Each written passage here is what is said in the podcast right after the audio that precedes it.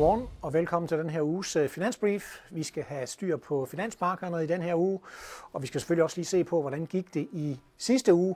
Øh, det er jo trods alt den aflevering, vi får fra finansmarkederne her mandag. Og øh, der må vi jo sige, når vi kigger på udviklingen i sidste uge, så var det, så var det negativt for, for aktiemarkederne, Øh, mere eller mindre over det hele. Man kan sige, at de europæiske aktier er faktisk sluppet øh, lidt lettere fra det end, øh, end nogle af de andre aktiemarkeder. Men generelt så var der altså pres på, pres på aktiemarkederne. Og vi havde rigtig mange regnskaber i sidste uge, men regnskaberne har altså ikke været den der positive løftestang, der ligesom kunne give noget bedre stemning. Øh, mange selskaber de skuffer altså på salg på toplinjen, plus at deres guidance måske heller ikke helt lever op til det, markedet forventede. Så, så markedet har faktisk taget rigtig negativt imod øh, de regnskaber, der er kommet og er faldet i gennemsnit 1% på dagen. Så, så det er altså ikke noget, der, der, der kommer til at hjælpe ret meget. Også rigtig mange regnskaber jo i den her uge, vi er gået ind i, er i USA, blandt andet Apple er der, men jo også andre steder omkring i verden kommer der rigtig mange øh, regnskaber. Vi kan også se, at, at øh, renterne faktisk er ned for ugen, men det dækker lidt over et billede, hvor vi egentlig så ganske store udsving i, øh, i renterne, hvor de jo også kørt kraftigt op øh, i virkeligheden. Øh, Dollaren ligger med et, med et lille plus, og så har vi faktisk øh, olie ned en lille smule. Vi havde faktisk en pæn oliestigning i fredags. Israel har jo startet deres landoffensiv i Gaza, men indtil videre så har markedsreaktionen jo egentlig været forholdsvis afdæmpet på det. Vi har faktisk her til morgen set faldende oliepriser og stigende renter. Man havde måske regnet med en mere massiv øh, invasion i virkeligheden fra Israels side, end, end det, der øh, har, været, har været tilfældet. Men øh, lad os lige dvæle en lille smule ved, øh, ved renterne alligevel. Fordi en af de grunde til, at øh, markedet har haft det så skidt, og vi skal jo notere os, at vi med lukningen i fredags, så har vi jo faktisk det, man kalder en korrektion på, på det amerikanske aktiemarked. Det vil sige, at man er faldet 10 procent fra toppen der i slutningen af juli. Øhm, så det er jo immer væk også en del. Og en af årsagerne til det, det må vi jo sige, det er altså de rentestigninger, vi har set. Og derfor er det selvfølgelig også interessant at spørge sig selv om, hvad har egentlig drevet de her rentestigninger? Og der har jeg en, en, en grafik med her, hvor vi egentlig prøver at dele det en lille smule op.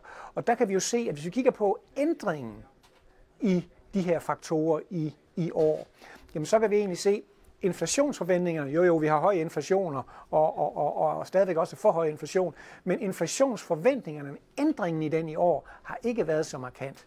Så har vi også kigget på, jamen kan det så være, at man tror, at Fed skal endnu højere op på renten? Øhm, og, og, og det er den gule her. Den er jo selvfølgelig steget lidt, men heller ikke så meget. Men den store stigning her de sidste par måneder, den finder vi i den sidste faktor, som er kan man sige, øh, sådan lidt en, en catch-all-faktor. Det er nemlig, hvad er investorernes forventning til øh, renten, den langsigtede rente ude i fremtiden. Mere specifikt så er det, hvad skal femårsrenten ligge om fem år? Det er den, der er steget her på det seneste. Og, og det er jo sådan et udtryk for, dels at investorerne jo mener, at ligevægtsrenten, når vi kigger længere fremad, faktisk skal ligge på et højere niveau, at investorerne forlanger en ekstra risikopræmie for at holde de lange obligationer i forhold til de korte obligationer, det man fint ord kalder term premium, at den er steget. Så det er der, vi egentlig skal, skal finde årsagerne. Så det er måske egentlig i virkeligheden lidt mere strukturelt betinget.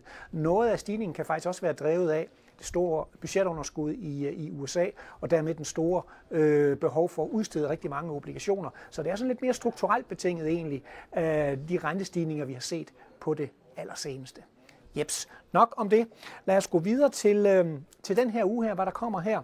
Og hvis vi starter med, øh, med nøgletallene, og vi starter i Europa, jamen øh, så får vi jo vigtige nøgletal fra Europa. Vi får både BNP for tredje kvartal, og så får vi også inflation fra oktober. Og BNP, der skal man altså ikke forvente sig ret meget. Europa ligger sådan og hakker lidt omkring nulstregen, og har jo altså gjort det de sidste, de sidste tre kvartaler eller sådan noget. Det vi jo kalder stagnation i, øh, i Europa. Og vi forventer ikke, at det skal blive meget bedre her i tredje kvartal. Det bliver også noget, der kommer til at ligge omkring nulstregen for øh, Europa. Europa har altså været hårdere ramt af de her renteforhøjelser end for eksempel USA, hvor vi jo fik en kanonvækst i USA i, øh, i sidste uge. Øh, der kommer også inflation fra Europa, selvfølgelig også vigtigt, fordi det siger noget om den europæiske centralbank. Hvor er de henne? Og de kigger selvfølgelig rigtig meget på inflationen. Øh, der kommer vi nok formentlig til at se et, igen et fald i inflationen. Det er selvfølgelig positivt, men det bliver nok det sidste større fald i inflationen, vi kommer til at se her. Øh, blandt andet på grund af noget, øh, noget øh, energi. Og der vil basiseffekten, altså når vi sammenligner med november og december, sidste år, så vil de faktisk fremadrettet øh, begynde faktisk at, at trække en lille smule op i, øh, i inflationen.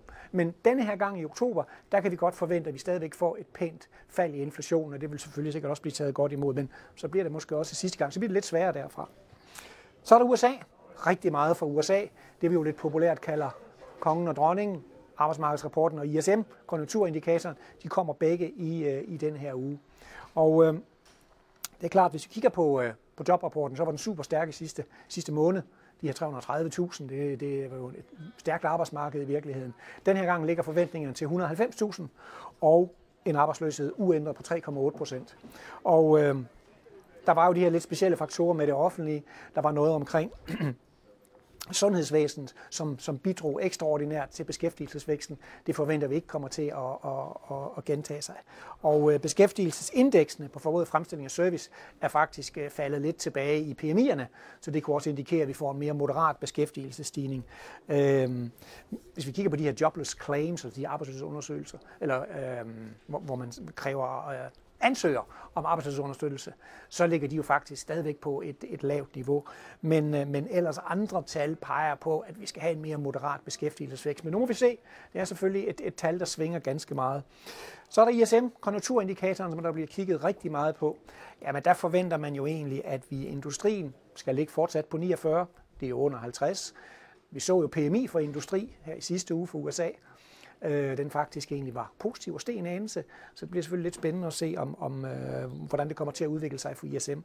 Øh, og for, for serviceindustrien, et lille fald ned til 53, det er jo over 50, så det er stadigvæk fremgang i serviceindustrien. Der må vi sige, i forhold til de europæiske konjunkturindikatorer, så har de amerikanske bare været meget stærkere og mere, mere robuste, hvad det, øh, hvad det angår. Øh, og som rosin i pølseenden, jamen der har vi jo altså også et fedtmøde i den her uge. Øh, vi forventer ingen ændringer i, øh, i politikrenten, og der kommer heller ikke nogen af de her dot plots. Men alligevel, så er der jo altid stor fokus på verdens vigtigste centralbank.